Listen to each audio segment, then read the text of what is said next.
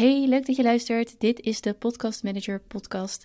Ik ben Aline Havenaar en ik ben podcast manager en ik help anderen om dit mooie vak ook uit te oefenen, onder andere in deze podcast. En in deze aflevering heb ik het over de equalizer. Want de equalizer is een van de functies die je kunt gebruiken tijdens het editen van een podcast.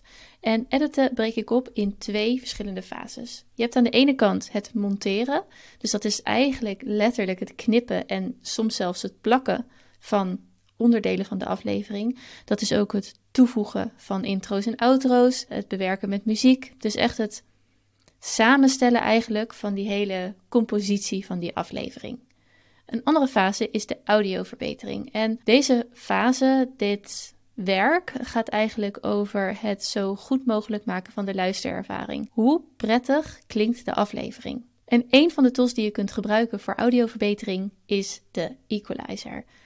Maar wat is het? Met de equalizer kun je bepaalde frequenties van een stem kun je versterken of verzwakken. Je zult zien dat als je de equalizer opent, dat die een bandbreedte heeft, dat die rekent tussen de 20 hertz en 20 kilohertz. Dus dat is 20.000. Lage tonen zijn minder hertz. Mijn stem is vrij zacht en ook hoger. Dus in de hoge tonen is mijn stem krachtiger dan in echte lage bastonen. De lage bastonen zitten dus in die lage cijfers. En als je de equalizer opent, dan heb je twee verschillende manieren. Je hebt een graphic equalizer, dat zijn eigenlijk schuifjes. En je hebt een filter curve. Dat lijkt eigenlijk meer op één streep. En dan kun je in die streep kun je gaan naar beneden gaan doen of omhoog gaan trekken. Dus zo krijg je een soort van nou ja, uh, berglandschap uh, van wat jij met de equalizer wilt doen. In Audacity vind je het onder effecten, EQ en filters. Dus EQ en filters. EQ is de afkorting van equalizer. En bijvoorbeeld in die script kun je het vinden onder de audio-effecten. En dan heet het ook gewoon equalizer. En daar zie je echt de schuifjes die je kan zetten. En in Audacity kun je nog kiezen voor de filter curve of voor de graphic EQ. En hoe werkt het? Ja, je zet dus onderdelen van iemand zijn stem of harder, dus die hoor je nadrukkelijker. Dus als iemand een lage stem hebt en je zet dat nog verder aan, dan wordt die bas nog intenser.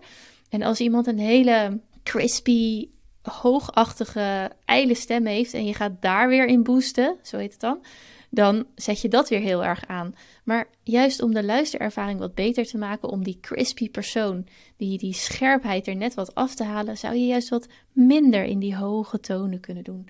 Of om twee stemmen beter op elkaar af te stemmen. Ik heb ooit eens een aflevering geëdit van iemand, van twee dames die een heer interviewden. Een van de dames had een vrij hoge, ja, ja, dunne stem zou ik eerder willen zeggen. Maar die man die had juist een ontzettende bas in zijn stem. En dat was zo'n groot verschil. Dus ik heb bij de dame wat minder van die crispiness gedaan.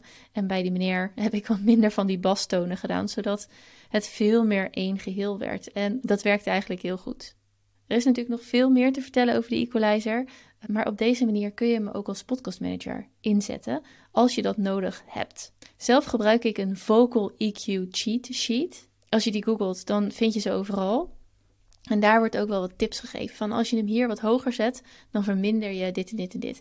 Je hebt namelijk wel eens het idee dat iemand heeft opgenomen alsof hij in een doos praat. Dus ja, dat, nou, dat hoor je, alsof iemand in een doos heeft gezeten. En bijvoorbeeld die kun je wat verbeteren door rond 300, 500 om daar iets te verminderen. En dit soort dingen staan dus genoemd in die Vocal EQ cheat sheet. Super handig en heel erg fijn om erbij te houden. Dus zoek die vooral op. Als je dus iets aan iemand zijn stemgeluid wilt veranderen, dan uh, kun je dat met de equalizer doen. Heel veel succes, dankjewel voor het luisteren en tot de volgende.